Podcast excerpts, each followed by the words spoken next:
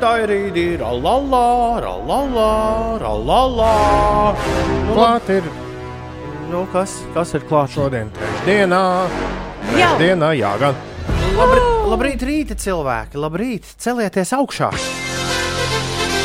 Pietiks no snaust, un kaut ko gaust. Laiks uzņemt apgriezienus. Apgriezienus uzņemam mēs visi kopā. Šeit Latvijas radio 5,5 LV ēterā. Toms Grēviņš, Inês Puķa, Kuldas Ziediņš, 5 Labrīt. rītī! Labrīt!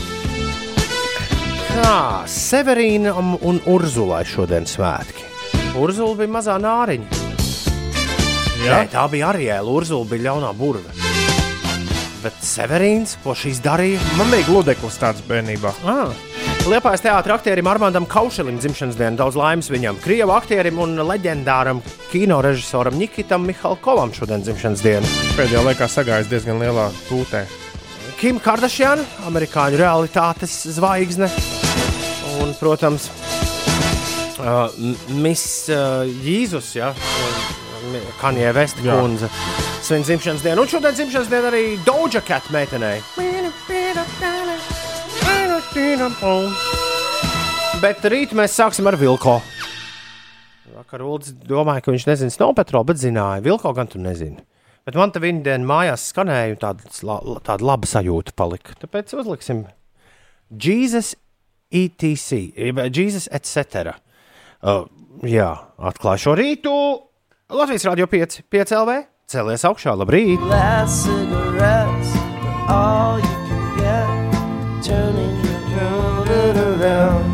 Nu, Varens Meldiņš, Varens Meldiņš. Nu, Par uh, kāda melna gada, arī melna gada 11. septembra dziesmu.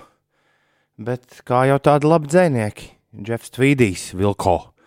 Galvenais vīrs tur visu, visu iepins tādās ļoti saldsērīgās rindās.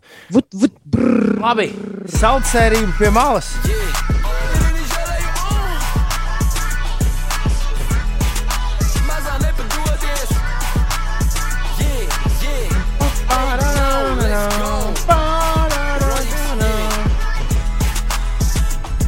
Viņa rīt, kad dzirdēja šo pirmo reizi, nevarēja atcerēties, ko man šis atgādina. Reko. Drake, nice for what? Something for y'all to cut up to, you know? Tās uh, melnās dāmas dzied gandrīz tā kā Linda Līna un pārējās dāmas. Johaidī! Ko tagad darīs teikas zombija? Jo Līvas ir pagriezis produkciju skaļāk, lai teikas zombija mostas augšā. Es iedomājos. Zombiji labi bija sadomājuši izgulēties līdz kādiem 10, 11. Bladāks! Augšā pēkšņi jāceļas. Ir 13 minūtes pārpusdienas sešiem. Kā jau solīju, no šodienas katru rītu ar jums raksta Uldis visiem foršu darba nedēļas vidū. Un Helsinku pievērtē tāds smags sniedziņš ir sasniedzis. Gan jau ne uz ilgu, bet tāpat tomēr prieks. Nu, prieks par tavu ziemu. Mums vēl pagaidām kārtīgs rudens. Alfredam rīktīgi krācis bango šajā rītā. Viņš ir čempions. Kā tu varēji pamosties, Alfred, ja tu čempionu līgu skatījies? Uh, esmu jau augšā no pussešiem. Īzī vakar skatījos čempionu līgas spēles. Bija jaukas spēles. Tas ir pirms pusnakts beidzas, Alfred. Nu, pēc ties, mēs jau ar pa piecām, sešām stundām guļam. Inesē, rekord tev jāpasaka man ēterā, ka šodien Val, Val, Alfreds, ne Valters. Alfreds ies uz futbolu, Latvijas kausa spēli. Būs par ko fanot. Īzī, tu bija arī Tas Lucky. man tev bang, bija bang. jāpasaka? Nē, man tev. Ah. Un Ulu, tu, nē, Tom lūdzu, var pateikt, lai Ulas pasaka rīta jinglu man ok. Un vai viņam patīk skatīties Champions League spēles? Mm, Nē, nepatīk. Nu, es pareizi saku, tas neesmu iesācis. Var jau būt, ka tur kaut kas ir. Un kurš bija īstais jingls? Tu biji arī Laki vai, vai Alfred? Tu biji arī Laki? Nē. Congratulations me! 17 minūtes pārpusdienas sešiem. Ines, kas, no, kas notiek? Kas notiek? Kas Rīgā notiek? nelīst. Tas ir ļoti uh, iepriecinoši. Nu, Neskatoties lija, nu, uz to, ka es jā, biju gatava lietam un uzvilkusi lietus jaku, bet Latvijā pārsvarā ir apmācies laiks un galvenokārt vidzemē un latgalē līst. Bet uh, dienas laikā arī būs apmācies laiks, daudz viet gaidāms smidzinošs vai īslaicīgs lietus. Redzamība vietām pasliktinās dūmaka un pūtīs lēns līdz mērens dienvidu puses vējš. Gaisa temperatūra pakāpsies līdz plus 6, plus 11 grādu atzīmē savukārt kurzemes rietumu piekrastē līdz pat plus 13 grādiem. Rīgā mākoņaina diena un lieli nokrišņi nav gaidāmi. Vējam lēni līdz mēreni pūšot no dienvidiem, gaiss galvaspilsētā iesils līdz plus 10 grādu atzīmē. Turpmāk personas ar, ar apstiprinātu Covid-19 diagnozi varēs pamest noteikto uzturēšanās vietu, lai ar personīgo vai specializēto transportu, piemēram, sporta komandas transportu vai čarterreisu dotos uz savu mītnes zemi. Piemēram, pie šādiem gadījumiem var minēt eh, sporta komandas dalībnieku, kam noteikta Covid-19 diagnoze, un, ja šī persona vēlas nekavējoties doties uz mītnes zemi, tad šādos gadījumos laika posms no diagnozes noteikšanas un izceļošanas var būt ļoti īss. Tā vakardien apstiprināja ministru kabinetā. Savukārt Bulgārijā sejas masku valkāšana no rītdienas būs obligāta arī ārpus telpām. Ja iepriekš eh, bija jānēsā maskas Bulgārijā, veikalos, bankās, dažādās iestādēs, tad tagad līdz pat novembra beigām tur būs jāvelk maska arī ejot vienkārši ārā. Mm. Kā ar skrejējiem un citiem sporta veidu veicējiem? Rīgā laikam tagad jāvelk ir gaismas veste. Es gribētu Tas redzēt, gan jā. Es redzēju meitenes šeit ārā. Gaismas vestē ir. Es, esat redzējuši tādas. Nē. Es esmu redzējis, ka vienkārši kaut kāda ap roku vai kaut ko, nu, tā kā sunim tā procīt. Bet viņai bija tāda, nu, šeit tādas līnijas, tad pēdera tāda līnija, tad uz muguras tāda liela gaismas bumbu. Nu, rektīgi tāda tā kā no zvaigžņu kariem. Es, es tik domāju, kā ir skriet kāds 20 km Ines Maskā varētu būt. Varētu būt jautri. Aizraujoši. 19 minūtes pāri. aizraujoši. Absolūti, jā. Tam. Tie bija Foo Fighters ar Run. Labrīt, Rīga, labrīt, Latvija, labrīt, pasaulē. Ir 23 minūtes pārpusdienas sešiem. Tu klausies Latvijas radio 5, 5 LV, raidījumu 5 rīti vai arī podkāstu, kur arī sauc 5 rīti. Tur rakstīts, ir podkāstu aprakstā, ka tas nav nekāds radioraidījums, ka tas ir podkāsts. Tā kā bija svarīgi šīs divas lietas vismaz šajā rītā nodalīt. Nebieži es to daru. Nu, tad, tad ir iespēja šo patērēt kā radioraidījumu, ir iespēja šo patērēt vienkārši kā cilvēks, kur vienalga, kurā dienas stundā mūld, mūld tev blakām un neļauj droši vien nogurt kaut kādu mehānisku darbu darot. Es tā pieļauju, vai nodarbi darot. Cik dīvaini, bet no rītdienas jūs klausīšos no 6 līdz 9. Raksta Iveta. Šodien pēdējā darba diena. Bet no mani draugi, kolēģi noteikti visi tiekamies pavasarī un viss varēs turpināties. Es zinu, Iveta, ka tas nav droši vien ļoti priecīgi. Nu, tā nav priecīga tēma, bet, bet ļoti cilvēcīga interese. Ko tu darīsi līdz pavasarim? Cik divi, varbūt no rītdienas tu pārrakstījies, ja tu neklausīsies mūs tieši no 6 līdz 9. Nu, Jā, man arī ir aizdomas, ja nav jāceļās. vēlāk, viņi vēlāk celsies. Ah, nē, Viņi rakstīja, es jūs klausīšos no 6 līdz 9. ah, Vakar piebeidzu vakaru ekstra darbiņu, raksta Līvs. Tagad vakar kādu brīdi būs brīvi un būs laiks priekš visādām izklaidēm līvam. Ha, ha, ha, ha, ha. Es vakar savukārt taisīju prezentāciju. Man šodien ir jāuzstājas eh, jauno mēdīju profesionāļu konferencē Young Media Sharks, kas atgādina, man liekas, kaut kādu ļoti dīvainu attālinātu video raidījumu 2020. gadā. Visas konferences, starp citu, izskatās interesanti. Nezinu, cik jums ir bijusi iespēja tādās pabūt. Es esmu bijis tikai vienā konferencē, kas izskatījās pēc konferences, kur cilvēki bija uz vietas, bet arī tur visi sēdēja ar divu metru atstarpi. Un gan cilvēku uz skatuves, gan cilvēku zālē. Tas bija pirms mēneša apmēram. Tas arī jau izskatījās dīvaini. Bet, eh, bet eh, notiek konferences, jā, ļoti, ļoti daudz šādu pasākumu ir ielikti kaut kādī ar izglītības ievirzi vai, vai profesionālo ievirzi. Viņi ir ielikti gada kalendārā, galu galā arī jau droši vien pagājušajā gadā budžets tur viss sastādīts, ka tādai lietai jābūt. Un, un tad nu, tas viss notiek, notiek tā kā notiek. Tā kā notiek.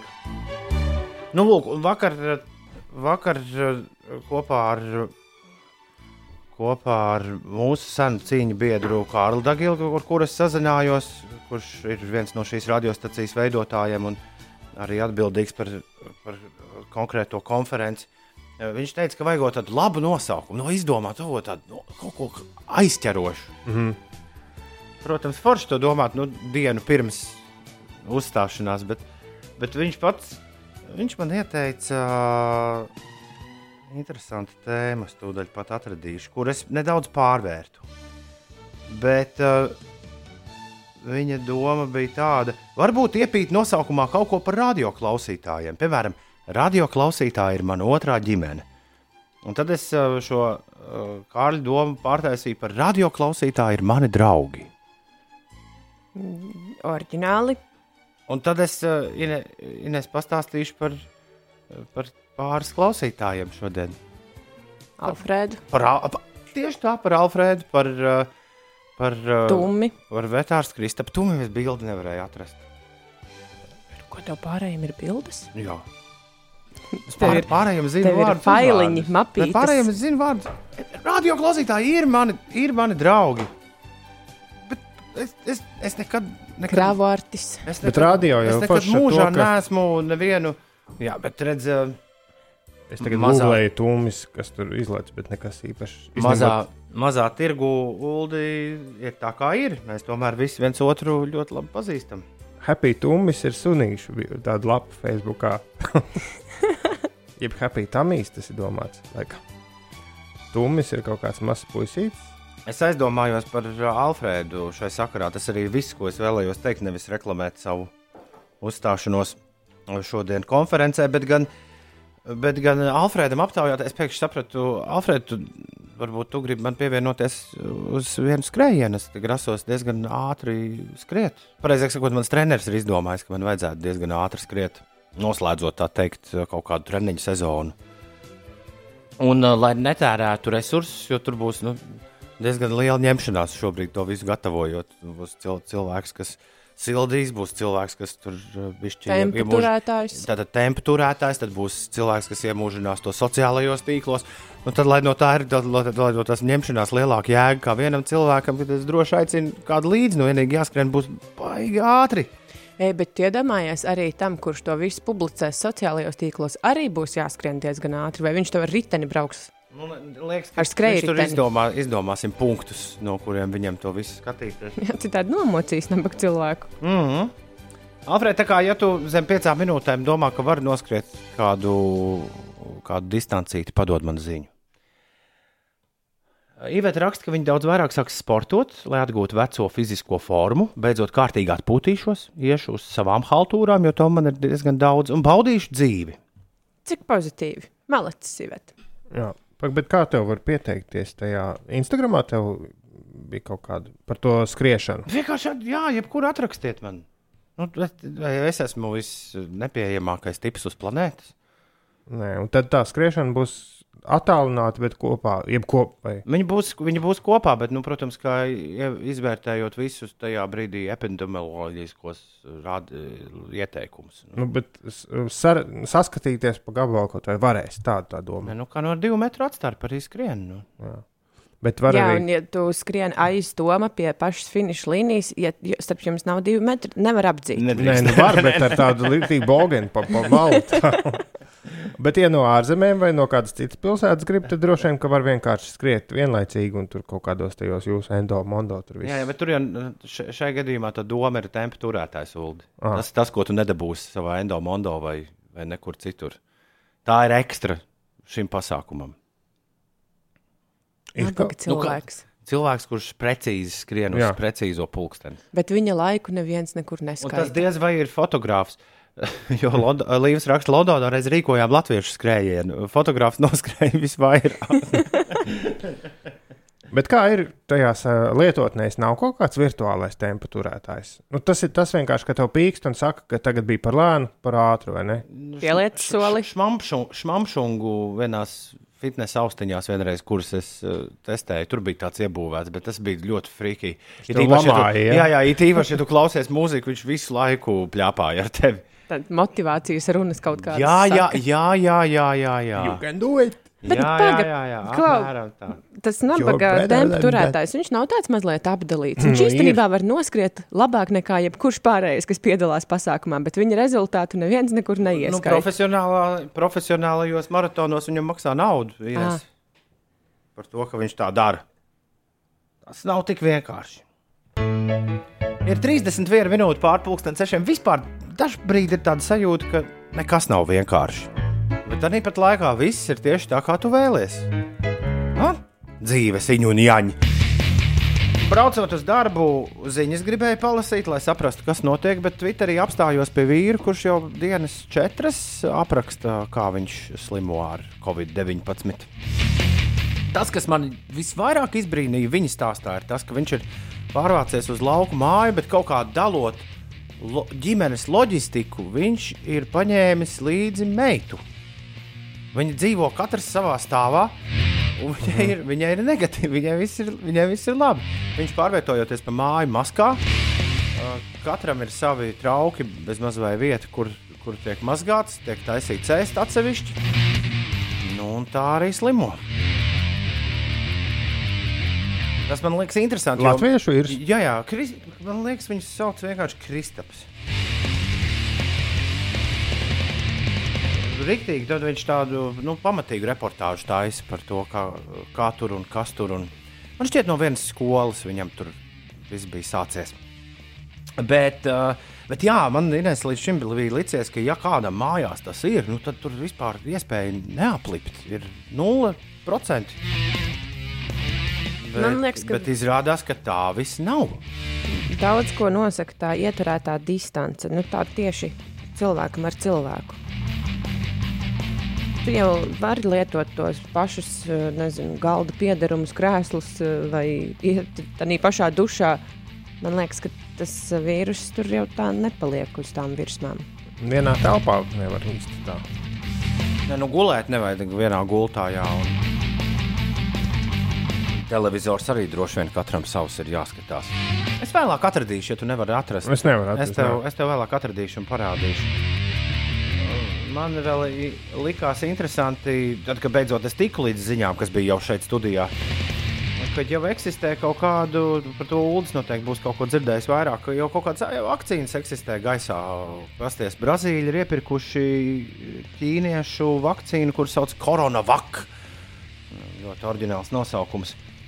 Un tagad uh, savu, savu polu tādu došot ļaudīm. Tā kā pasties jau vakcīnu dalīšana Ines notiek. Eksperimentāli. Eksperimentāli gan jā. Tas nozīmē, ka viņi nu, praksē sanāk, viņi kā tos testus, kas ir jāveic, nu, oficiāli viņi, mm, paz, viņi tos veic publiski. À, nē, viņi ir.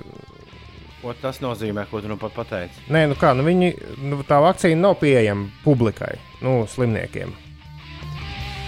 To vakcīnu iespējams šobrīd nevis pēc. Nu, tur ir vairāk līmeņi, kā vakcīnas tiek testētas. Tur ir stage 1, stage 2, stage 3. Un es nezinu, cik tās pakāpes ir. Izklausās ļoti līdzīgi kā pašgājēju automašīnām, par kurām es interesējos nedaudz vairāk kā par vakcīnām. Bet ne, tur arī ir līmeņi, nu, vairāk. Kādi? Šobrīd ir nu, pēdē, pirmais ir tāds, ka cilvēks vispār Ah. sēž pie stūra. Pēdējais tāds, ka cilvēks sēž un skatās Netflix un neko nedara. Un tur arī tas viss iedalās vairākos līmeņos. No ULDS apjūta. Es apjuku, jā. Nē, nu, testiem ir vairāk līmeņu. Sākumā testē pie dažiem cilvēkiem, ne, nu, jebkam ir vairāk līmeņu. Tad jau arī Wolfam ir vairāk līmeņu. Taisnība, taisnība, taisnība. taisnība. Nu, tie ir testi, kas tajā Brazīlijā. Es tikko sagūlēju, es nezināju par to neko. Es īstenībā nelasu tās ziņas tik daudz. Kāpēc? Tāpēc, ka nu, cik, vajag, cik var. Svarīgākais pie mums atnāk pats. Pašu svarīgāko mēs zinām.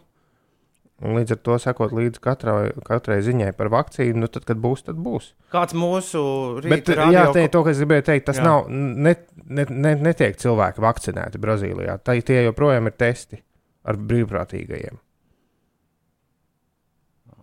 Es sapratu, ka viņi ir iepirkuši, lai, lai lai špricētu iekšā. Nē, viņi veic testus ar 9000 brīvprātīgiem. Viens mūsu rīta kolēģis, 9000. eh, Ines, kas ir gaisā ar mums vienlaicīgi, kādā no radiostacijām bija ierakstījis Facebook, kur tur es netīšām tur, es tiešām mēģinu ļoti izvairīties jau Twitterī, uh, bet no Facebook šitās te sienas ir jāmēģina bēgt šajos laikos, tā kā no, tā kā no karsta ugunskura, kurš tev nes, nes kādu iemeslu dēļ Es seko. laiku domāju, jums tādi īpatnēji draugi tajā Facebookā ir, jo manā laika joslā, nu, man gribētos teikt, ir diezgan maz tādu.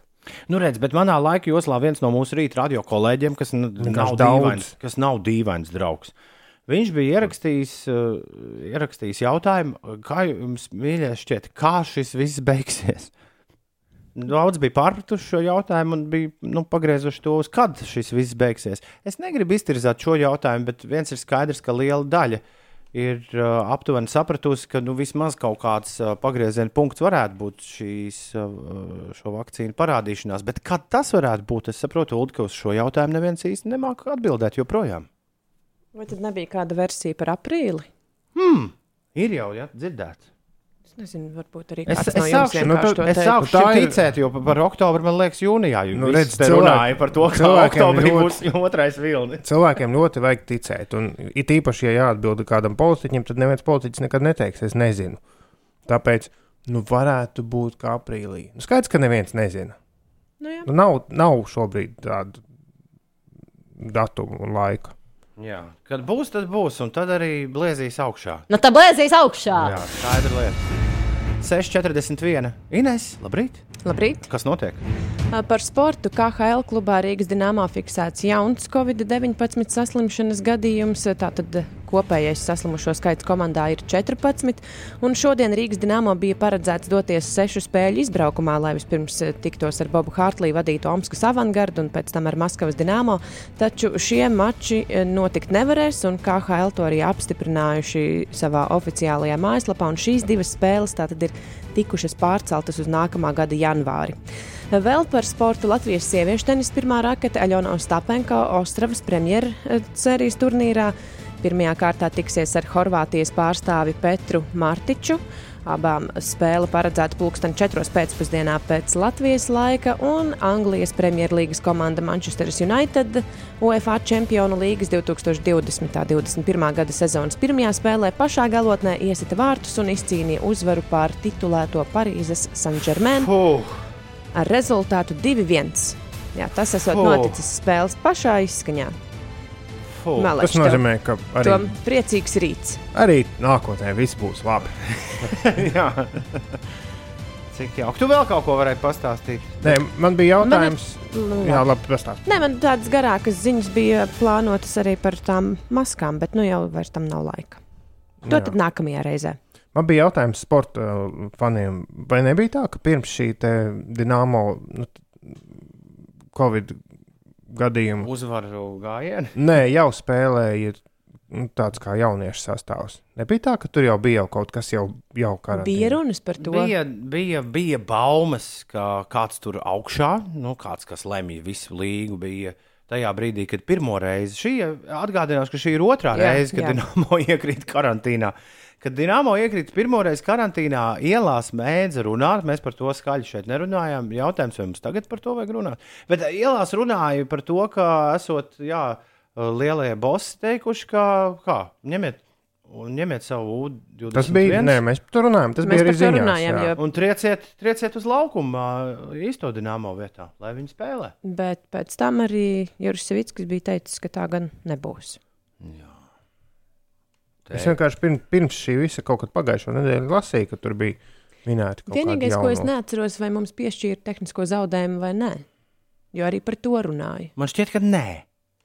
Man šķiet, ka tādas lietas, bet tas arī neko nemaina. Ja jūs paskatītos tabulā, kāda ir Jā, ja tur nav nekāda starpība. Vai tev iedos, iedos tehnisko Rīga. nē? Otrais tehniskais zaudējums pēc kārtas. Aha, tā tad ir. Jā, labi, Uldis jau ir. Karantīnas dēļ pret Maskavas ceļu. Tas bija septembrī. Vēl. Jā, tas bija jau tas laiks. Nu, rekā. Labi, Uldis tagad, lai padzied mums. La, la, la, la, laika mašīnā.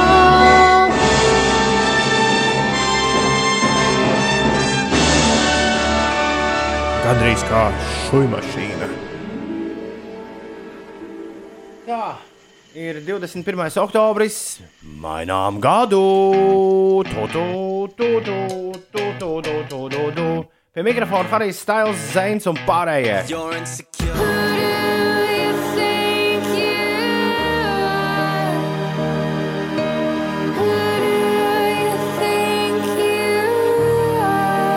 Nē, nē, nē, šī nav aprīļa. Jānis Jānis nezina ne gadu, ne kas šī ir, kas dzied, bet zina šai dziesmai visus vārdus un esot pilnā balsī dziedājis līdzi. Tā ir Kristīna Perija. Dziesma sauc Jar of Hearts, un Ulas saklausīja kaut ko pavisam citu šajā dziesmā. Bet uh, strūns par to laiks noteikti, kurā gadā mēs bijām. Es brīdinu, ka klausītājiem ļoti grūti gāja ar pareizā gada noteikšanu. Man arī grūti, tāpēc es minēšu gadu, kas bija pirms mūsu Ēras. ēras, jā, 2012. 2012. ir Ulu minējums. Es šo perijas dziesmu arī ļoti labi atceros, bet es eh, maldos starp 10 un 13 gadu, bet es ņemšu 10. Tu ņem desmito. Nu, tad abiem diviem. Jā, vecais labais zāģīts. Nu, interesanti, ja man acis neviļ, jo mēdz vilt vai ne, agrā rīta stundā. Demba un pūce ir vienīgie, kur ir no kādiem 30 gadu minētājiem tikuši pie brokastīm, jo mēs bijām 2011. gadā. Uzmācīga melodija apņem mani katru rītu, kad skan doma baznīcas zvani. 6,59 astronauts, bet tu dzirdi tikai mani, mani, mani. Don't be funny. Labrīt! Nu, tiem, kuri ikdienā saprot, ir tur darbi vairāk vai darbi mazāk, un tiem, kuri ikdienā ceļoja, manī, manī, manī ir tomēr, es ticu, 2020. gadā palicis pāri. Nu, ir iespēja atļauties visu kaut ko. Bet tas mērķis, tas mērķis lielais. Palikt eh, pie saprāta. Kāds gan cits, kāds gan cits. To mēs, ar to mēs mēģinām arī jūs nu, tā kā nodrošināt ar to palikšanu pie saprāta ik rīt, starp 6 un 9. Valteram Juglā savukārt šodien un rīt brīvdienas. Bet viņš ir pamodies. Tas ir labi, tas ir labi. Kādēļ tik agri? Iedomājies, pēc nedēļas būs 6 un 5 minūtes. Šajā. Nu, tā, jau, tā jau nebūs. Mēs jau būsim pieraduši. Nē, man liekas, mēs griežam uz priekšu pulksteni. Labrīt, šodien un rīt brīvdienas. Brokastīs šorīt uz pannas ceptas sākās. atkal. Uh, brokastīs šorīt uz pannas ceptas maizītes ar pakusušu sieru, ar desu, krūzē kumelīšu tēju. Pa dienu jāiet mammai palīgā kapus sakopt.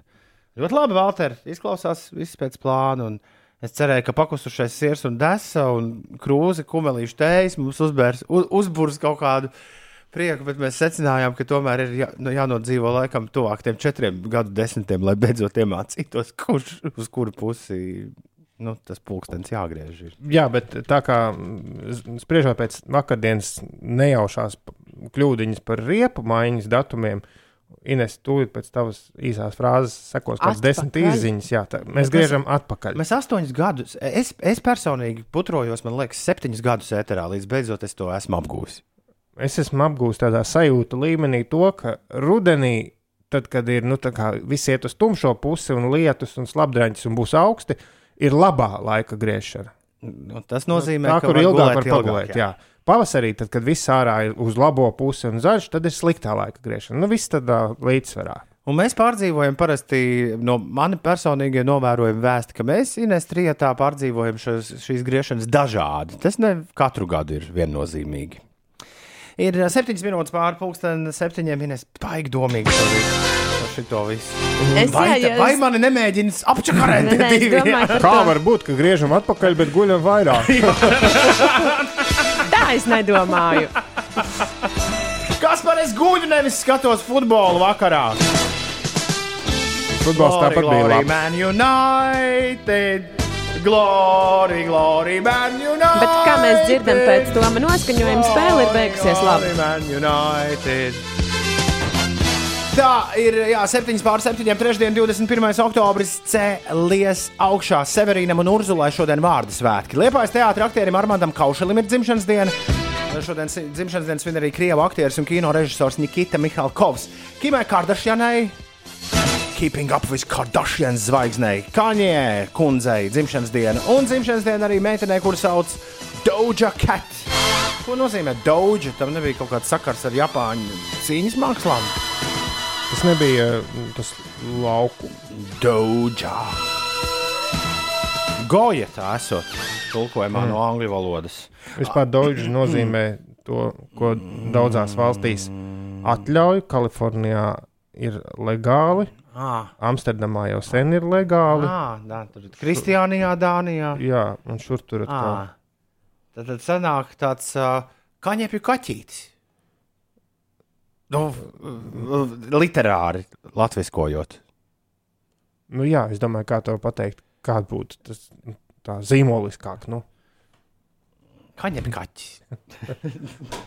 Dūma minka. Labs disko tumšam laikam. DXX balss Romija. Viņas debijas solo singls Lifetime. Tavā rītā radio 7 un 19. Šeit Latvijas radio 5, 5 LV, 5 rītī. Pagaidām trešdienai, 21. oktobrim, klausieties, mīļie draugi. Nav nevainas. Nevainas, kā es jums teikšu. Jā, tāpēc, ka tu tikko saskatījies smieklīgus video. Es, mums tas jādara biežāk, kamēr skan dziesmas. Jā. Jā, Ulu, lūdzu, uztais playlist ar smieklīgiem video. Klausītāji gan to nezina, bet, ja jūs zinātu, cik ļoti Toms sapriecājās, kad viņš atrada to savu video, ko tik ļoti gribēja redzēt. Bet labi, ne par to man Jo šobrīd. radio nav video. Man šobrīd jāstāsta, jā, es vēl vienu tomam priecīgu ziņu pateikšu, ka Anglijas Premjerlīgas komanda Manchester United UEFA Champions League 2020. un 2021. gada sezonas pirmajā spēlē pašā galotnē iesita vārtus un izcīnīja uzvaru pār titulēto Parīzes Saint-Germain ar Kurš, kurš rezultātu iesita? 2 pret 1. Šos te vārtus iesita tūdaļ, es tev pateikšu. Uh, Rošfords. Ah, Malācis Rashfords. Tas tas tavs mīļākais, es gribēju teikt, hokejists, bet ne futbolists. Basketbolists, basketbolists. Udi. Kas tas? Jā, Markus Rošfords iesita šos te vārtus. Vēl par sportu. Pūksteni četros pēcpusdienā gaidāma Latvijas sieviešu tenisa pirmās raketas Leonas Ostapenko. Uh, Ostravas premjeras turnīra spēle pret Horvātijas pārstāvi Petru Martiču. Forši. 7,21. Yeah, down on with the shade. Ko, ko? Yeah, down on with the down with the shade. Labrīt! Yeah, yeah. Prusaks! Beidzot mīlu sevi. Pagaidām vispriekšzīmīgākais šonadēļ, 5 rīta klausītājs, es atvainojos visiem pārējiem, ir Alfrēds. Ja tur neklausies mūsu parasti raidījuma pašā sākumā, tad iespējams tu esi palaidis vai palaidus garām, kas ir Alfrēds. Bet uh, Alfrēds ir katru rītu ar mums apmēram ap pulksten sešiem, un šorīt viņš bija pierunājis arī čomu klausīties rīta rādio. Tas ir brīnišķīgi. Tā, tāpēc, ka, tāpēc, ka Andris pats pieteicās, viņš atrakstīja labrīt, jauku dienu, pēc tam Alfrēds teica, ka viņš vēlas, lai mēs draugam Andim nospēlējam kaut ko no Prusaka, jo tas ar tagad klausoties. Šādi katram vajadzētu. Vismaz vienu draugu piesaistīt pie rīta radio. Mēs tad būtu vēl labākā garstāvoklī nekā mēs esam ikdienā. Jebkurā gadījumā Prusaks tāpat man iegadījās, tāpēc es atcerējos šīs, šīs ziņas, kuras saņēmām nu jau pirms stundas. Labrīt visiem ceļamies un veļamies. Jau šovakar liepāja kļūs gaišāka, jo sākas izgaismotā liepāja. Es saprotu, ka liepājniekiem tas ir liels notikums. Un uh, pastāstiet, ir lūgums pastāstiet, kāda laika apstākļi gaidām arī Liepājā. Visi nedzīvo Rīgā. Tiekamies Liepājā, lai fantastiska diena visiem. Kā pro, protams, ka puš vējš. Nu, kā. Vispār vajadzētu aizbraukt, paskatīties uz tām gaismām. Un cik ilgi viņas tur būs? Četras Tikai dienas pāris dienas. Pagad, līdz sestdien. 23. O, es gribēju Nē, sestdienu. nu, Nu, jā, tā sākās ir piekdiena. 19. Jā. Liepainieki. Nedēļas nogalē. Liepājā līs šovakar sākot no astoņiem vakarā. Nu, jā, bet šodien es nebraukšu. Rītdien, rītvakar ļoti labs vakars, lai ietu. Tad būs skaidrs laiks Liepājā. Un pēc tam kāda plus 14 grādi. Es šobrīd Liepājas prognozes skatos. Es te skatos par tiem datumiem. Tur ir siltāks. Tur ir siltāks. Tur ir tas nav. Mums atkal tūlīt būs apakaļ viss pie septiņu. Liepājā viss turēsies ap plus 13, plus 11. Man rāda tuvāko desmit dienu prognozē. Kur es atradu no, Kāpēc? no 21. līdz 24. oktobrim. Jā, Tātad bet no šodienas līdz sestdienai ieskaitot. tas 19 bija pulksten 19 vakarā līdz 23 vakarā. Jā. E, arī mums ir pakāpusies laika prognoze. Jā, Bija visā nedēļas izskaņa būs Bija 8, siltāka. 9, nākamā nedēļa arī. Nākamā nedēļa solās būt vispār diezgan jauka. 13, 12 saulīt tikai ļoti maz, bet tā būs. Bet bez nokrišņiem. Bet tā Nedēļas diezgan izskaņa. jauka. Mhm. Tā apmēram, jā. Nu, nu, Tā ir krūze. zvaniņu. nu, nu, vai nu tā ir tiešām. Ah, jā, pareizi. Atsāksies mācības. 7 un 26 neklātienē lielākoties. Jauno vecāku rīts. I'm a creeper, Minecraft Grim Reaper, blowing up blocks like Al Qaeda. I'm not a creature that'll lead you, but I'll leave you petrified. Peace of mind, peace of mind, sweeper. Tas ir viens no, Min- pirms jūs jautājat, kas tas tāds ir. Tas ir viens no Minecraft gabaliem, Finders, finders, keepers. Kurš ievada jauno vecāku rītu šajā rītā. Mācīja, Alkaida dzied.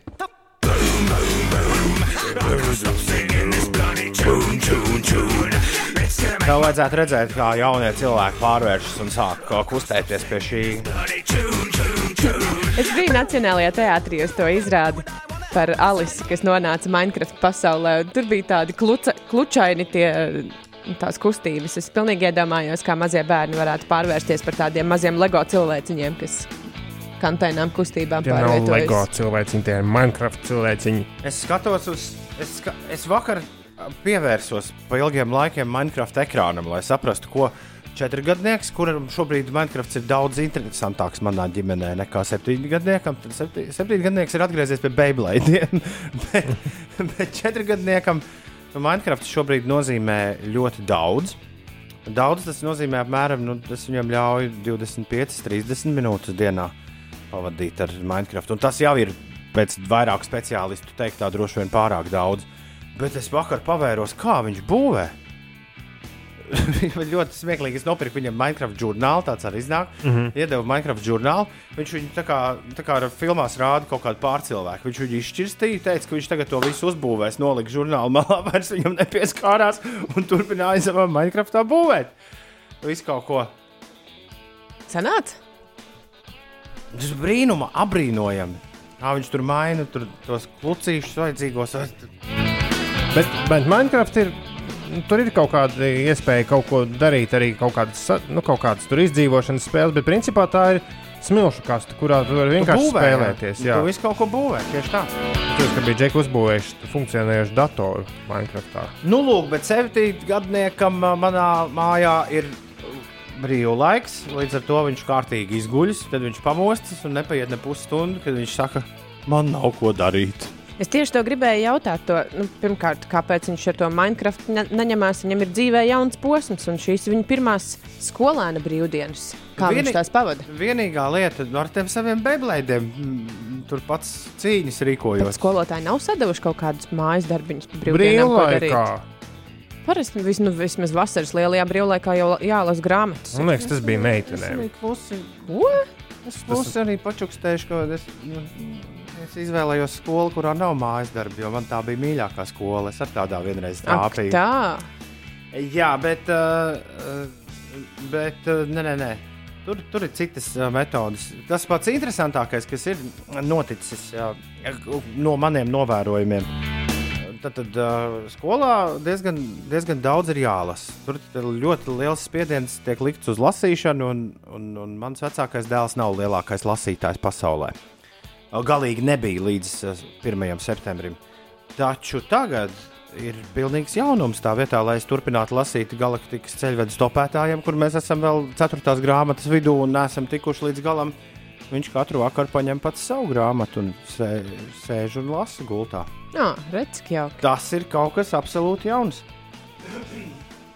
Un to ir atnesis skolēnu brīvlaiks. Tas ir skolēnu brīvlaiks. Tas nav nekas, nekas cits, jo pirms tam skolā bija visu laiku jālasa. Tagad nav jālasa. Bet tagad vienkārši nav ko bet, darīt. Bet gribas lasīt, nu, bet- bet pirms miega jau varētu vai ne visu kaut ko paklausīties. Runājot par to, ko skola ir iedevusi. Ja būtu tik vienkārši visos tajos chatiņos, Tajās E- e-klasēs, un kur tur vēl ne.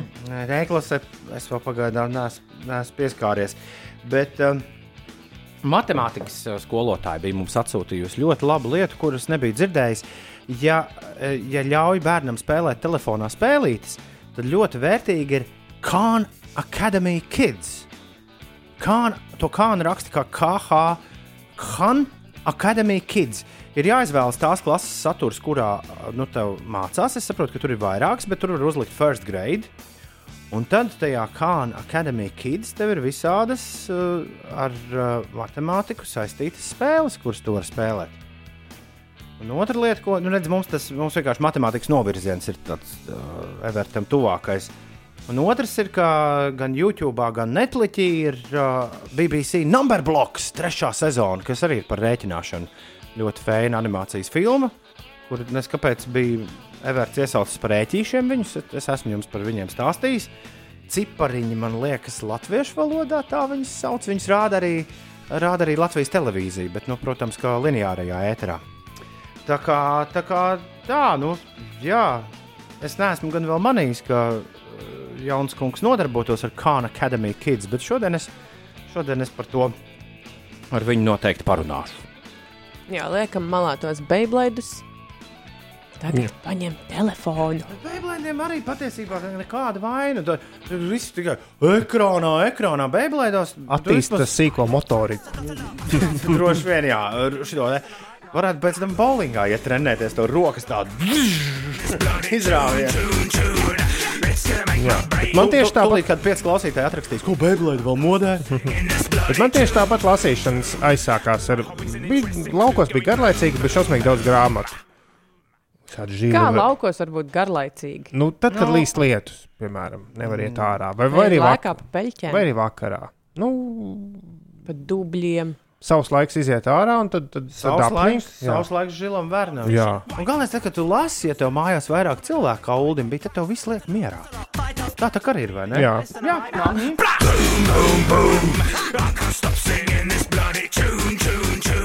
Lai mierīgs skolēnu brīvlaiks.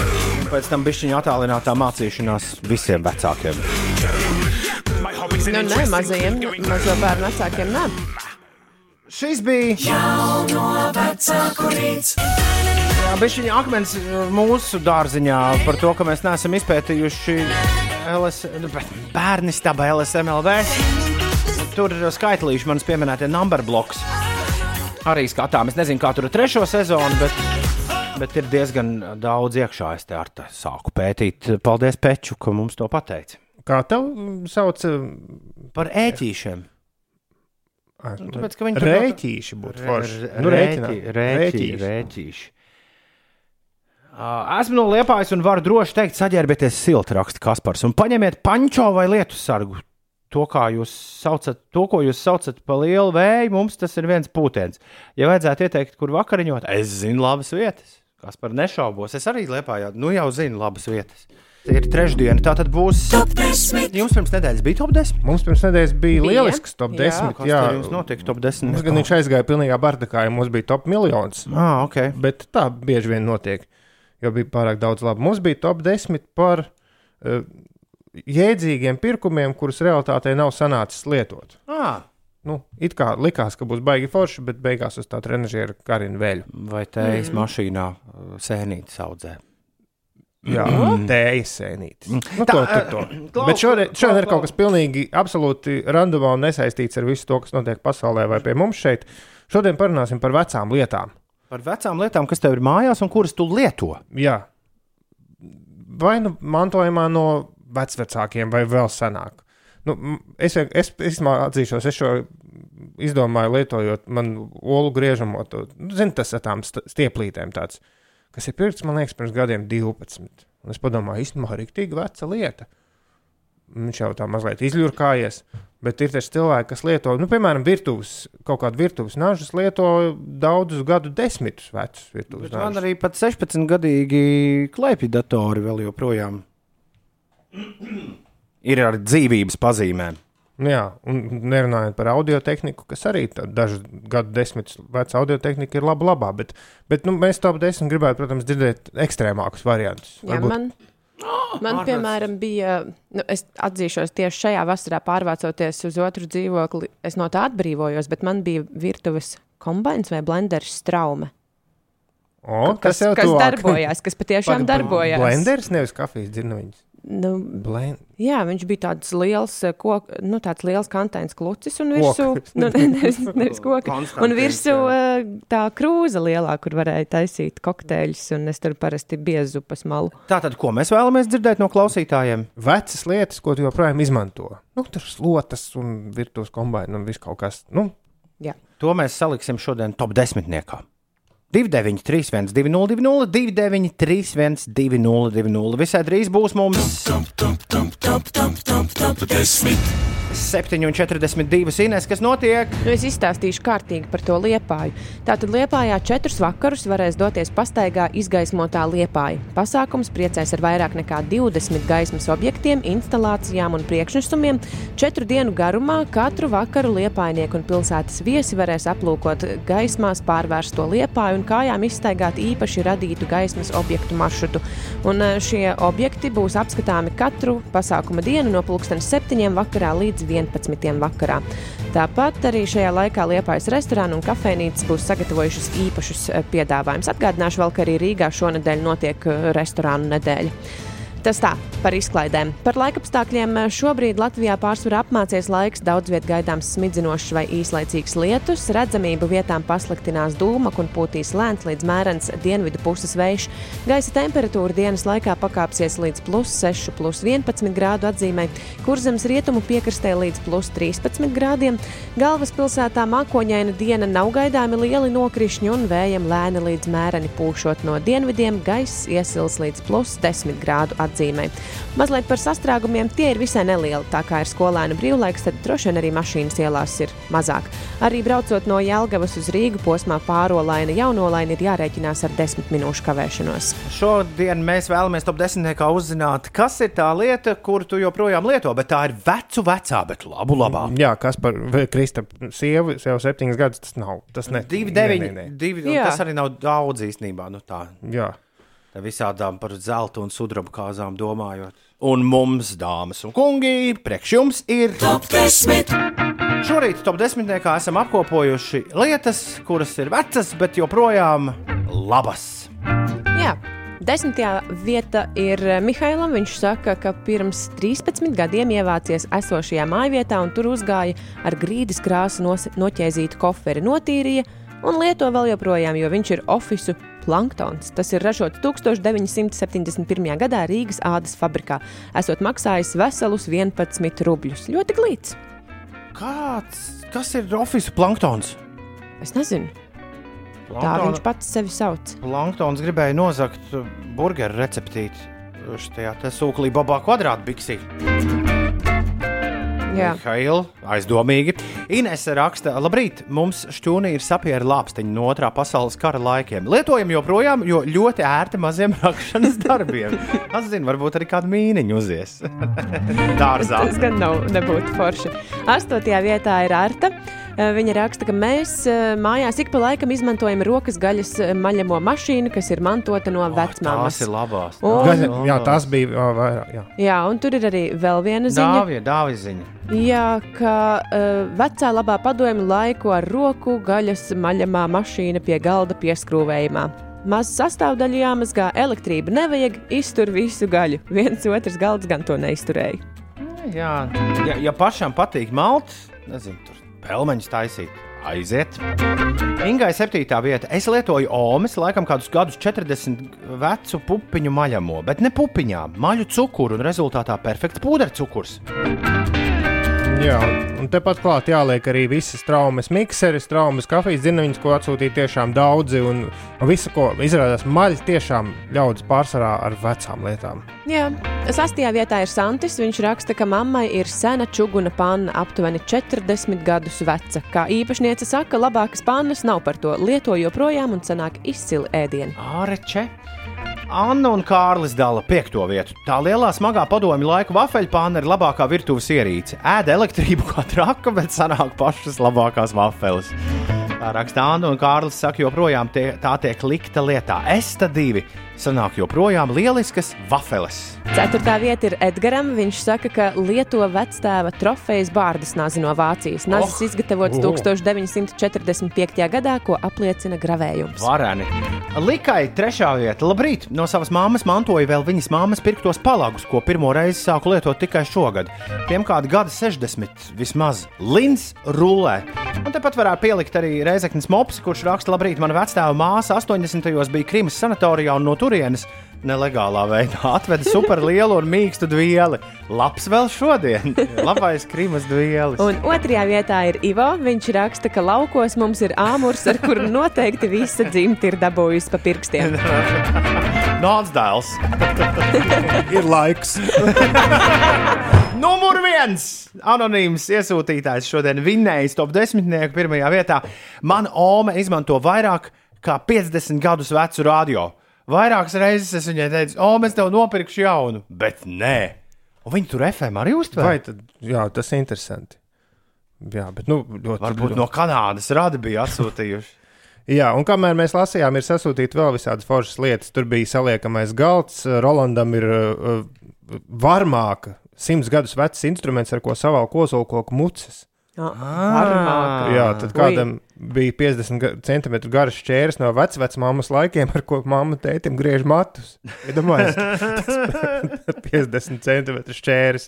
Un kāds atvedis 2000. gadā no Vācijas velosipēdu par 240 markām, un joprojām labi bija braukt.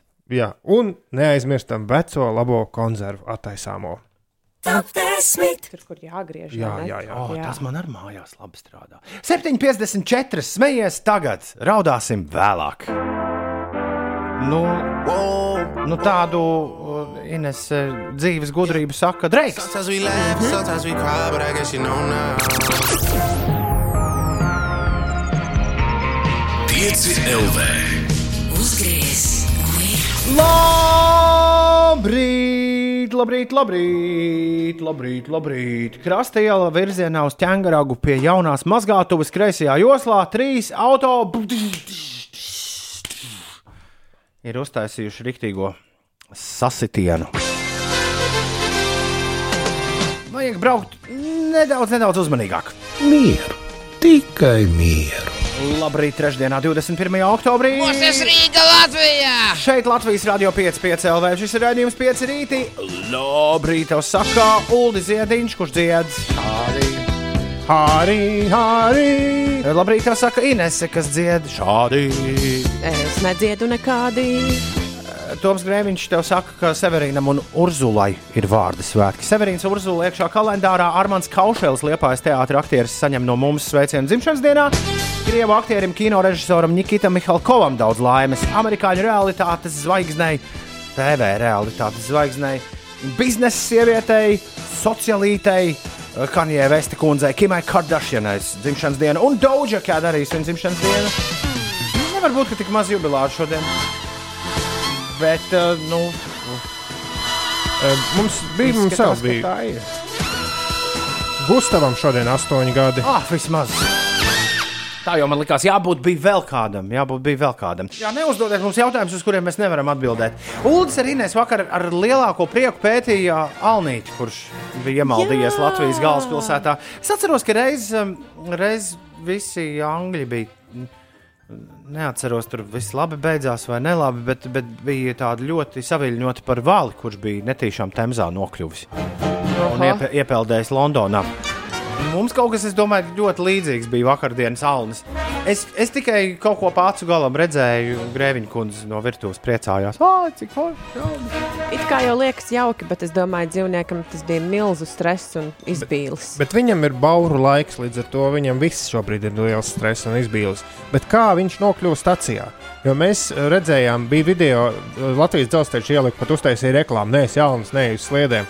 Jo Alnis bija centrālajā stacijā, tur, kur eh, vilciens Sigūda. Jā. jā.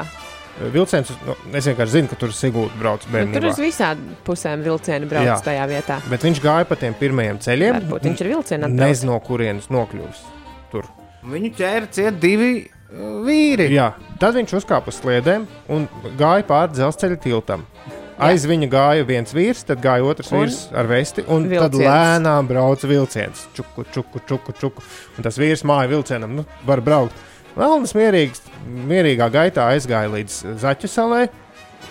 Vai kas tur sanāk? Pirmā Zaķu sala sanāk pirmā, un tad ir Lucavas sala. Un tur nav vairs dzelzceļa tiltam, nav nekādas citas vietas, kur nokļūt. Nē, man liekas, ka nē. Jā.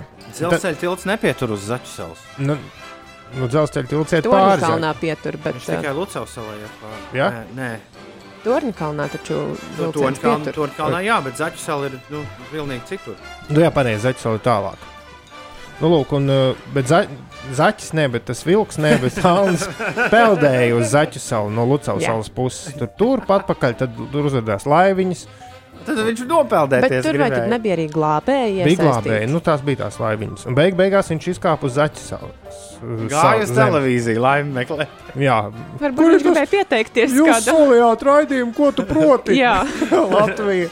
es esmu Alnis, kas prot peldēt. Jā. Un iet pa dzelzceļa sliedēm. Bet raidījums, ko tu proti, ir uh, atlikts. Jā, Ah, es to nezinu. jā, jā nebūs šodien. Nu, tur tāpēc, ka ļoti daudz tas bija. Ļoti daudz cilvēku. klātienes kopā, pasākums. skaidrs, jā. Bet par pašu Alni. Nu, man lūk, Alnis uzzināja, ka raidījums ir atlikts uz laiku. Es nezinu, īstenībā, vai tas ir oficiāli Nolēma izziņots, bet, šovu. bet sociālajos tīklos tas jau ir kaut kur skaļi pateikts. Jā, un Alnis palicis Raķu salā. palicis bešā. Bet man interesē, ko tie divi vīri, kas mēģināja Alni noķert, viņi tiešām ticēja, ka viņi viņu noķers un kā viņu sagūstīt. Man lūdzu, es tālāk jau fantāzēju, ko Alnis Ines prasītu. Nu, Nekur, es nekur neiešu, kamēr nebūs viesmaize un beta beidz man. šeit. Es domāju, ka viņš gribēja ar vilcienu aizbraukt kaut kur, bet viņam sejas maska nebija. Galvenais, lai Alnis neaizbrauc līdz Lietuvai, jo viņš uzreiz kļūs par briedi. Zaķu salā iet pāri Lucavas salai, neiet par tiltu. Iešu karti pētīt tūlīt pat. Nu jā, Lucavas sala nesenāk, Zaķu salai astīta pati. Bet viņš bija jau tur ticis stipri uz Lucavas salas pusi. Jā. Ja, es, es starp citu meklēju vakardien Lietuvas portālos, vai nav raksts par to, ka Rīga briedis. Bet Pagaidām vēl nebija. Kāpēc tu nogavēji darbu?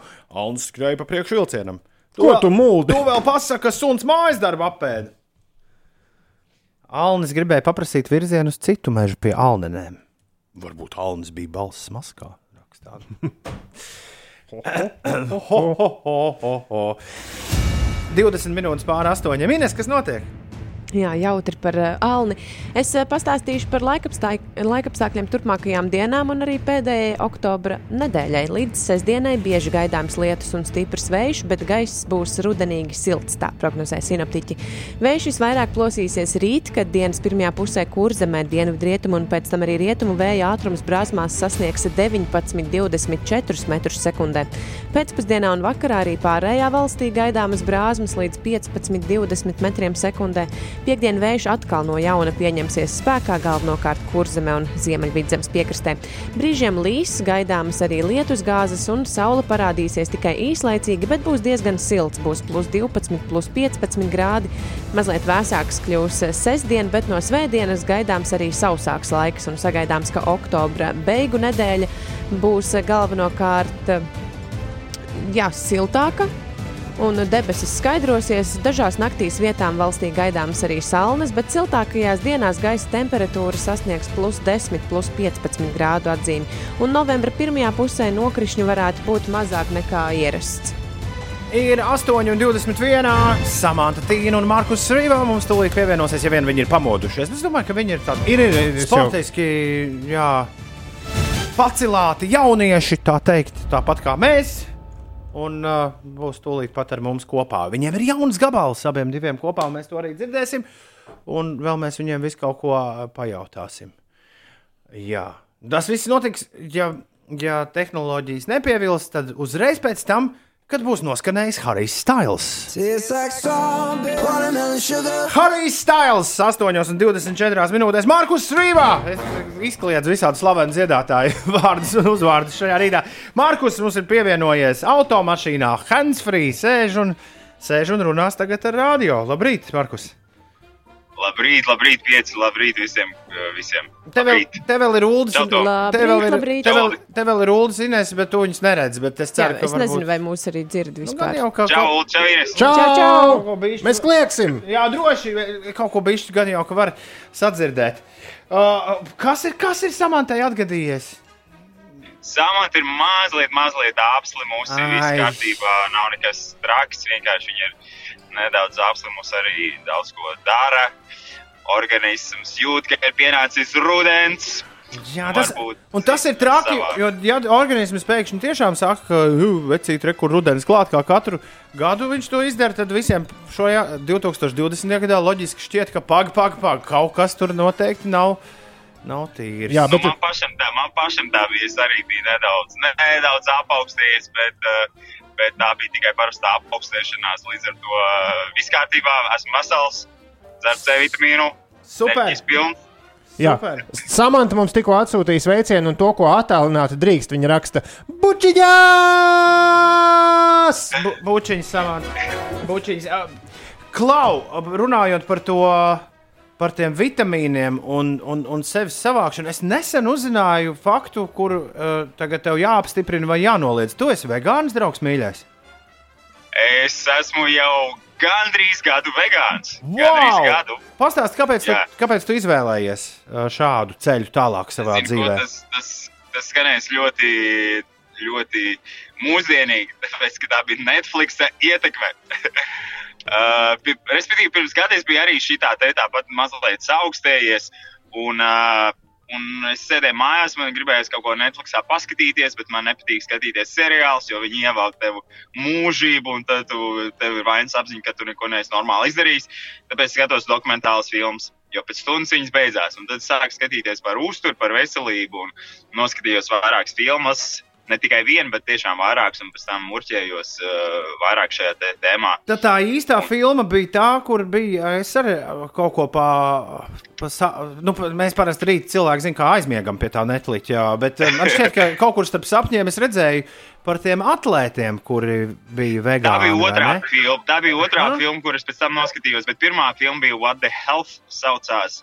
Un tur ir tieši par, par, par ēdienā, pārtiks industriju un visu šo industriju, uzturu industriju. Vairāk gan Amerikas valstīs, bet es domāju, ka to var attiecināt uz visām. Nu, bet klausies, kā tu savu labo formu uzturi, ja tu neko tādu Nu, pupas, crossfit. pupas, pupas, Es visu laiku pupas ā, Ēdienas ziņā es ēdu jā, daudz pakšaugus, Aha. un pirmdienas nelaižu. ja visiem uzreiz ir, visiem uzreiz ir šie te stereotipi. Mans organisms jau ir pieredzējis, un es, es cepu visādus mafinus. Es cerēju, ka mēs beidzot satiksimies uh, tiešajā eterā un es uzcepšu mafinus, vegāniskos banānu mafinus ar, Ah. ar, ar glazūriņu. Bet, nu, Un šo es nākamreiz. arī gribētu. Nekas, nekas, nekas vismaz, vismaz mums ir rekur pierakstu ulu. Nākotnē mums vismaz ir skaidrs, ka būs kārtīgs cooking šovs ar Markus Rīvu kādā. Esmu food blogeris, esmu food blogeris tagad simtprocentīgs. Nē, nu skaidrs, šajos laikos katram ir jāpielāgojas, Markus. Katram ir, katram jāmēģina atrast sevi, iespējams, arī kāds, kāds jauns talants. Bet mūzikai ar to neizmetis mieru un rekur mums ir. Mēs ar cepam, Cepam. Pasties, viltīgs gabals. Es tieši tā iedomājos. Viltīgs gabals, jo samantai taču tā eiro dziesma agri vai vēlu ir jāsāk tapināt. Mm, Nu, līdz tam vēl ir laiciņš. Bet, bet, bet jā, pirmā doma, kad es uzzināju, ka jūs abi esat kopīgi ierakstījuši dziesmu, nezinot, ka tā ir tava dziesma un tava iniciatīva, acīm redzot, tā pirmā sajūta bija tāda, ka tik viens te nav sadomājis, kā backvokālists tikt beidzot uz tās Eirovīzijas skatuves.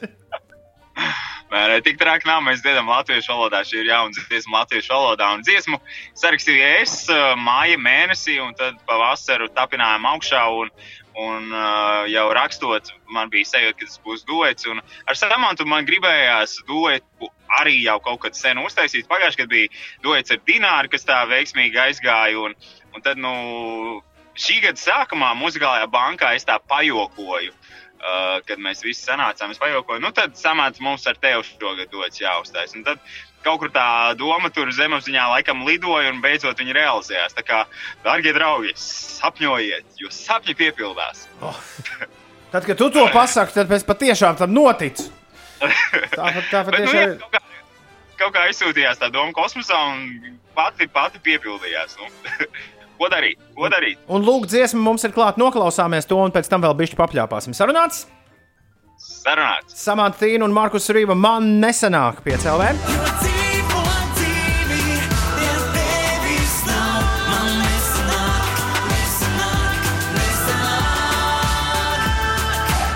Samants Tīna un Markus Rīva.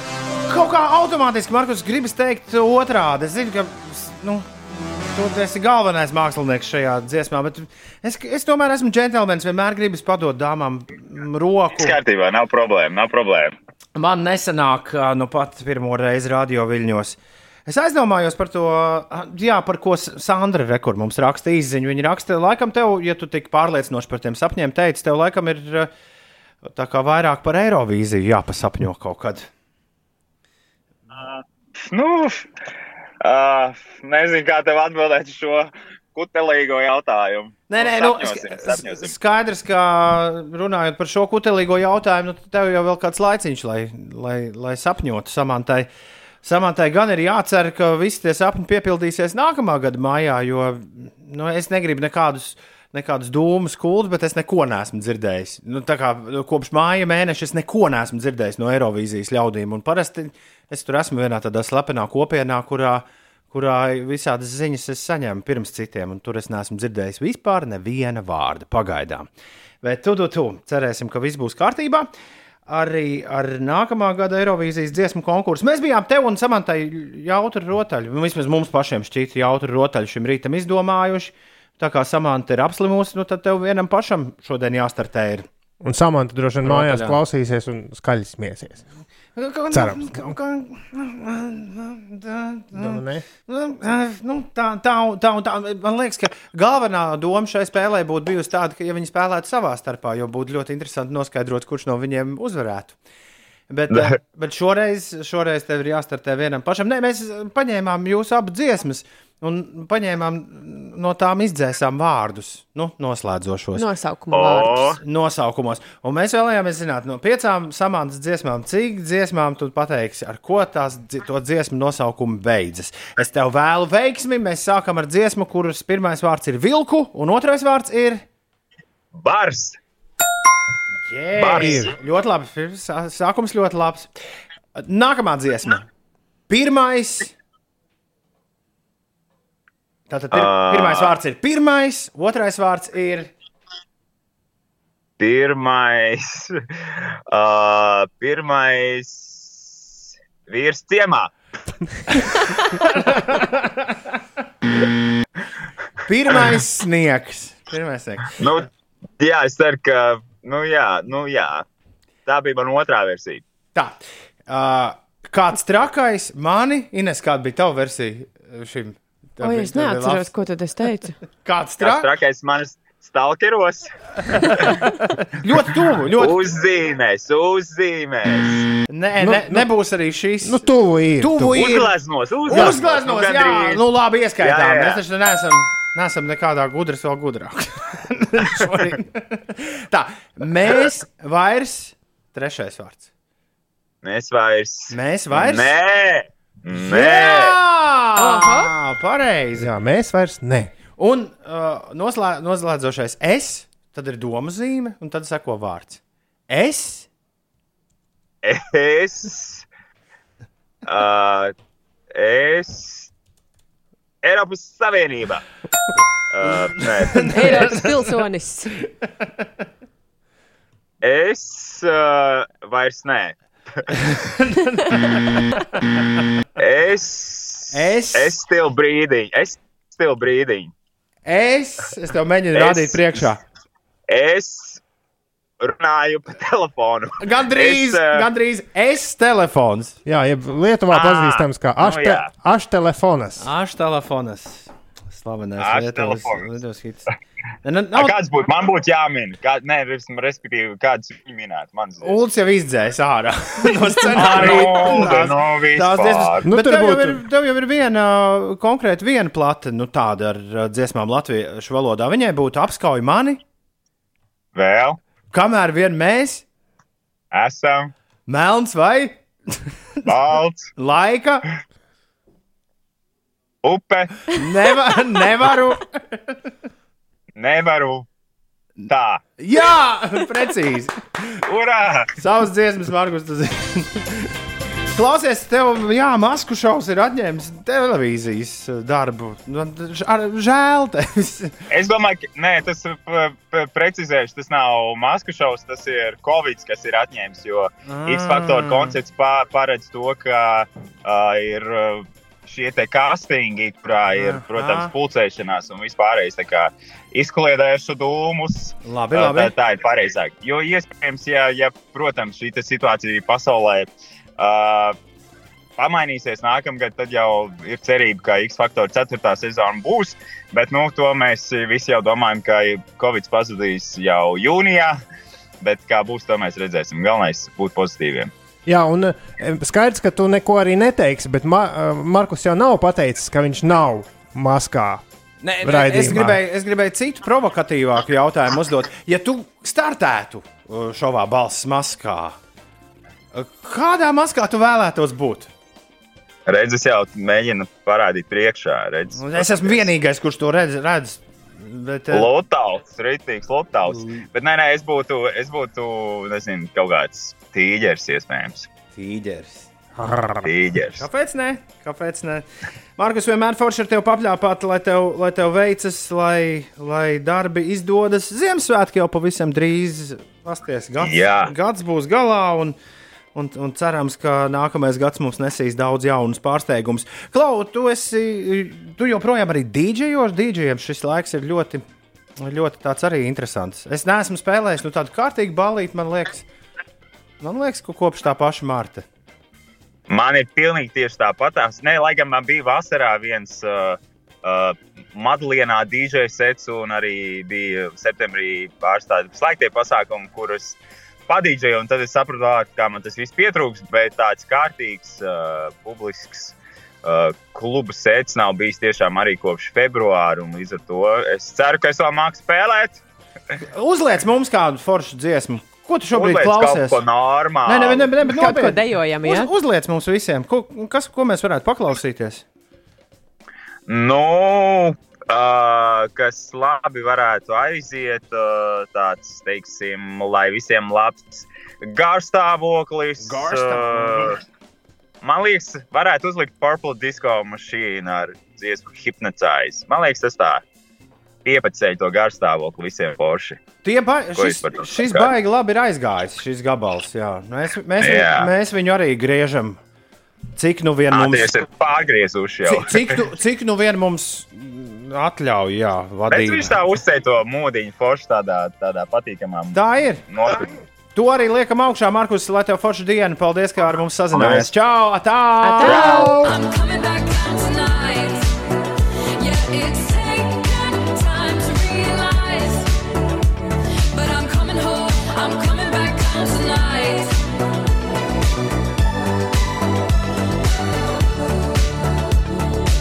Kur uh, diskžokejs Markus Rīva mums uzlika hipnotized Purple Disco mašīnu un Sofija and the Giants. Ir 44 minūtes pāri pusdien astoņiem. Labrīt, Irēsē! Labrīt, labrīt! Pastāsti, kas notiek. Aizdomājos par tiem Markus stāstītajiem mafiniem un tik ļoti sagribējās ēst. Būs jāiet lejā uz bufeti. Jā. Tik līdz raidījums būs cauri. Tik līdz raidījums būs galā. Mazliet par sastrēgumiem Rīgas ielās. Baltika Maps ziņo, ka šobrīd ir jāaizkavējas uz A7 posmā Krokas ielas baložu pagrieziens. Tur ir jārēķinās ar aptuveni eh, 15 minūtēm. Par citām eh, sastrēgumu vietām, nu, būtībā tie sastrēgumi Rīgas ielās varētu teikt, ka gandrīz nav. Jo ir skolēna brīvlaiks, Kārļa Ulmaņa gatavē šobrīd jārēķinās ar eh, sešām minūtēm. Daugaugrības ielā tāda pati situācija un arī tilta iela kas ir posmā no Dunkas ielas līdz Viestura prospektam. Tur arī piecu minūšu aizkavēšanās. Tā kā rīts, es domāju, autovadītājiem šodien iesācies ir diezgan, diezgan labi. Par laikapstākļiem šodien Latvijā pārsvarā apmācies laiks, daudz vietā gaidāms smidzinošs vai īslaicīgs lietus, redzamība vietām pasliktināsies dūmakas dēļ. Pūtīs lēns līdz mērens dienvidu puses vējš un gaisa temperatūra plus 6, plus 11 grādi, kur zemes rietumu piekrastē siltāks, tur plus 13. Rīgā mākoņaina diena, nokrišņi, lieli nokrišņi nav gaidām, bet kaut kas no, gan no gaisa kritīs. Uh, Gaisa temperatūra plus 10 grādi. Atgādināšu, ka ir sejas maskas pie mums jāvalkā ne tikai uh, sabiedriskajā transportā un dažādās uh, pasākumu vietās, bet arī braucot ar taksi. Un arī taksometru vadītājiem ir jābūt sejas maskai. Tas tagad ir no šodienas. Mm, Jā, un, un arī eh, par mutes un deguna aizsegu nelietošanu sabiedriskās vietās varēs piemērot sodu līdz 50 eiro. Bet jaunajiem cilvēkiem līdz 12 gadu vecumam tas joprojām paliek spēkā, ka viņi var bez Jā, braukt. arī cilvēki ar kustību traucējumiem var okay. nelietot sejas maskas. Es redzēju, NASA prezentāciju vakar naktī bija viņa kaut kādu asteroīdu, tur zondi laid uz asteroīdu. Jā, ņēma- bija tiešraide pa nakti. jā, un, Vilka kungs reklamēja tādu. Jā. jā, un tie NASA cilvēki, kas šeit, nu, uz Zemes, jo tur neviens tur tos 200 miljonus kilometrus attālumā nel- nelidoja, bet tie, kas bija šeit, visi, kas runāja, viņiem visiem bija sejas maskas caurspīdīgas. Ar, mm. ar tādu kā stiklu. Nu, tas rāmītis ir no auduma visapkārt, bet vidū viss izskatījās tā, it kā viņiem nebūtu sejas maskas. Tādās mēs drīz tas būsim noteikti studijā. Jā. Televīzijā tas varētu. Varētu pasūtīt sevēs, Bet beidzās nauda. Varētu braukt VCNS, bet beidzās nav. Varētu aizceļot uz salām, beidzās nav. Mums ir klāt. Jo beidzās nauda. Kā tur vai viegli būtu jaunam teikt? Vienmēr vajag tik daudz naudas, lai pišķi pietrūkst. Mm. Ir 8,49. Nu, zināma kaut kāda loģika tajā ir. Uh, Jā, Olas ir atgriezušies, uh, un arī Renārs Zeltiņš ir kopā ar Olām atkal atgriezies. Atcerieties viņu tur par prezidentu un par Kupidonu, ja nemaldos, visi kopā. Uh, muzicēja. Un uh, Renāram ar Olām jauns gabals būs rīt no rīta. Tā, notiks tā pasaules pirmizrāde. Uzminiet, kurā radiostacijā? Latvijas radio 2. Uh, nebūs pareizi. Uh, Latvijas radio 1. Nē, Radio diez 2A, vai- nebūs. nebūs. Radio 2 vai kas tur vēl bija. Nebūs. Rīt pieslēdzieties mums, un uh, gan Zeltiņš, gan Olas būs ar mums kopā saslēgti, ja kāds nebūs apslims. Loģiski. Vakar mums arī likās, ka būs samanta ar Markus. Jā, bet vakar mēs jau domājām, ka būs klātienē, bet tad mums arī mūsu mājā bija noteikumi ir stingrāki. Un īstenībā labi, ka tā, jo sirds mierīgāk. Jā, bet rītdien Renārs Zeltiņš un Olas uh, gandrīz, ne, dzīvajā, tas ir dzīvajā, dzīvajā šeit, piecos rītos. Jā, un uh, tad jau varam arī pastāstīt tālāk, jo mums kāds klausītājs prasīja par Aminatu. Aminatu nākamā trešdiena būs pie mums tāpat Ah. pieslēgumā Un piekdien uh, mēs dabūsim jaunu mūziku no Suddenlight. šonadēļ, šo piekdienu. Un, Ines, tas tak būtu forši, ja mēs te ar viņiem saslēgtu kopā vienā, Vienā, vienā sarunā. ķēdē. Nu jā, tā kā vienmēr ar mūziķiem mēs saslēdzamies. Dzirdi, kā atspēras Latvijas jaunā mūzika - tramplīns. Tagad saslēdzamies mēs ar šīs nedēļas tramplīna dāmu. Nu, vismaz telepātiski. Anna Pastara šonadēļ tramplīnā profesija. Kopš vakardienas ULDI joka par profesiju. Es nezinu, kā šo dziesmu lai izrunā. Pro, profesija. Profesija. Profesija. Kāda nes būs? Anijas profesija. Jā, Anija Lepasteur un profesija 8,51. Labrīt!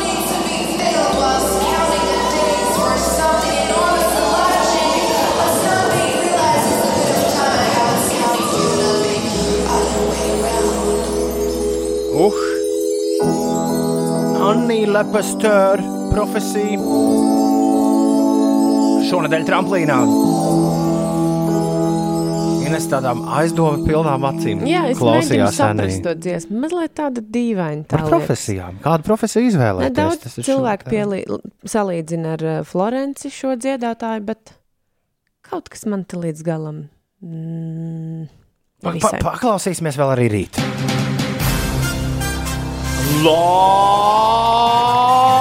Labrīt, labrīt, labrīt, labrīt, labrīt, labrīt, labrīt, labrīt, labrīt, labrīt, labrīt, labrīt, labrīt, labrīt, labrīt, labrīt, labrīt, labrīt. Kas tad?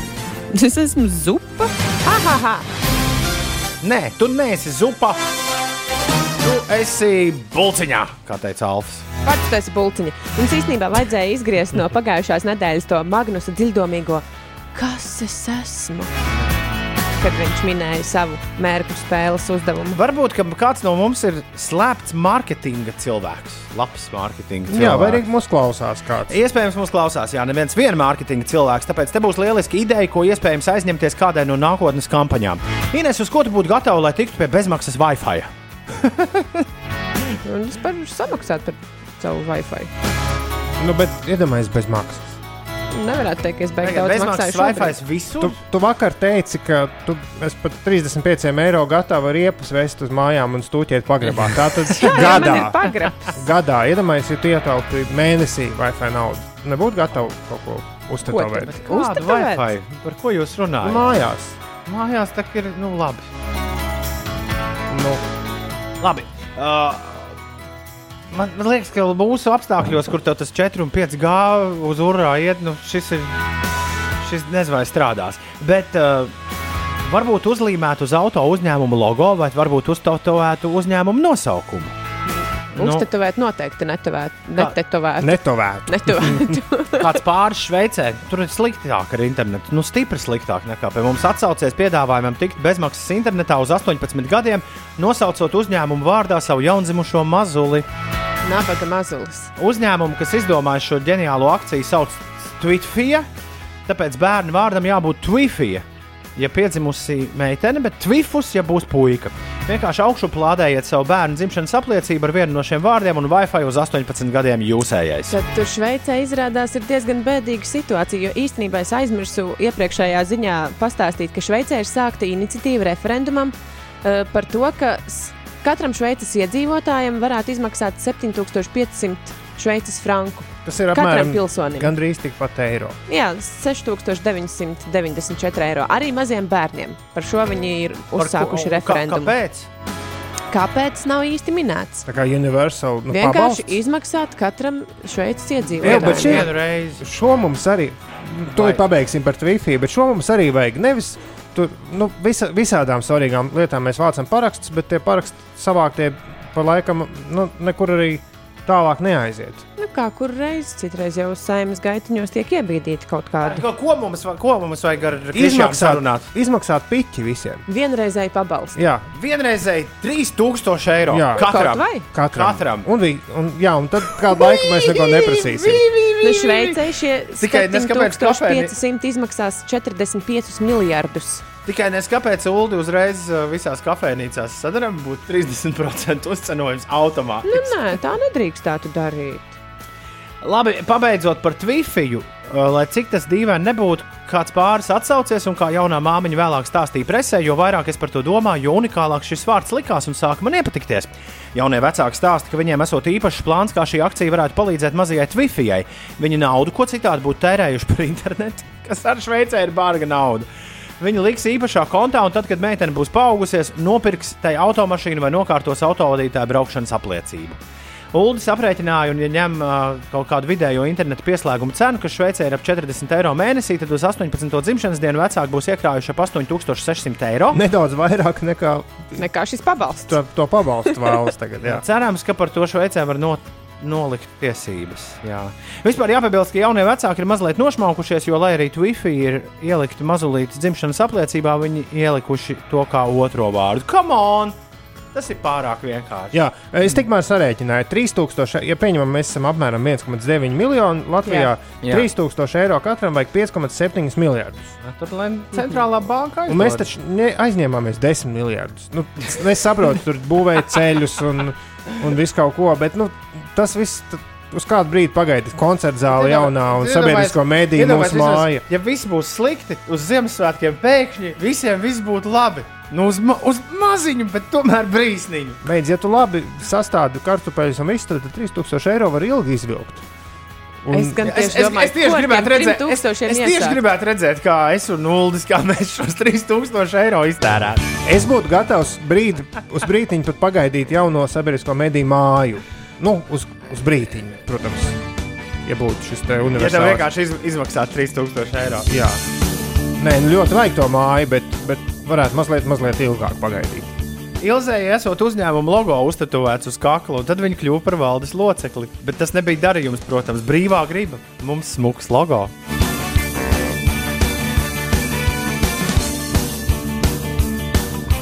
Helikoptera nauda tā esot. Jā, jā. Pavalsts varētu izmaksāt kaut vai par to vien, ka valkājam maskas. Nu, par visu kaut ko. Katrs jau mēs kaut ko labu esam izdarījuši.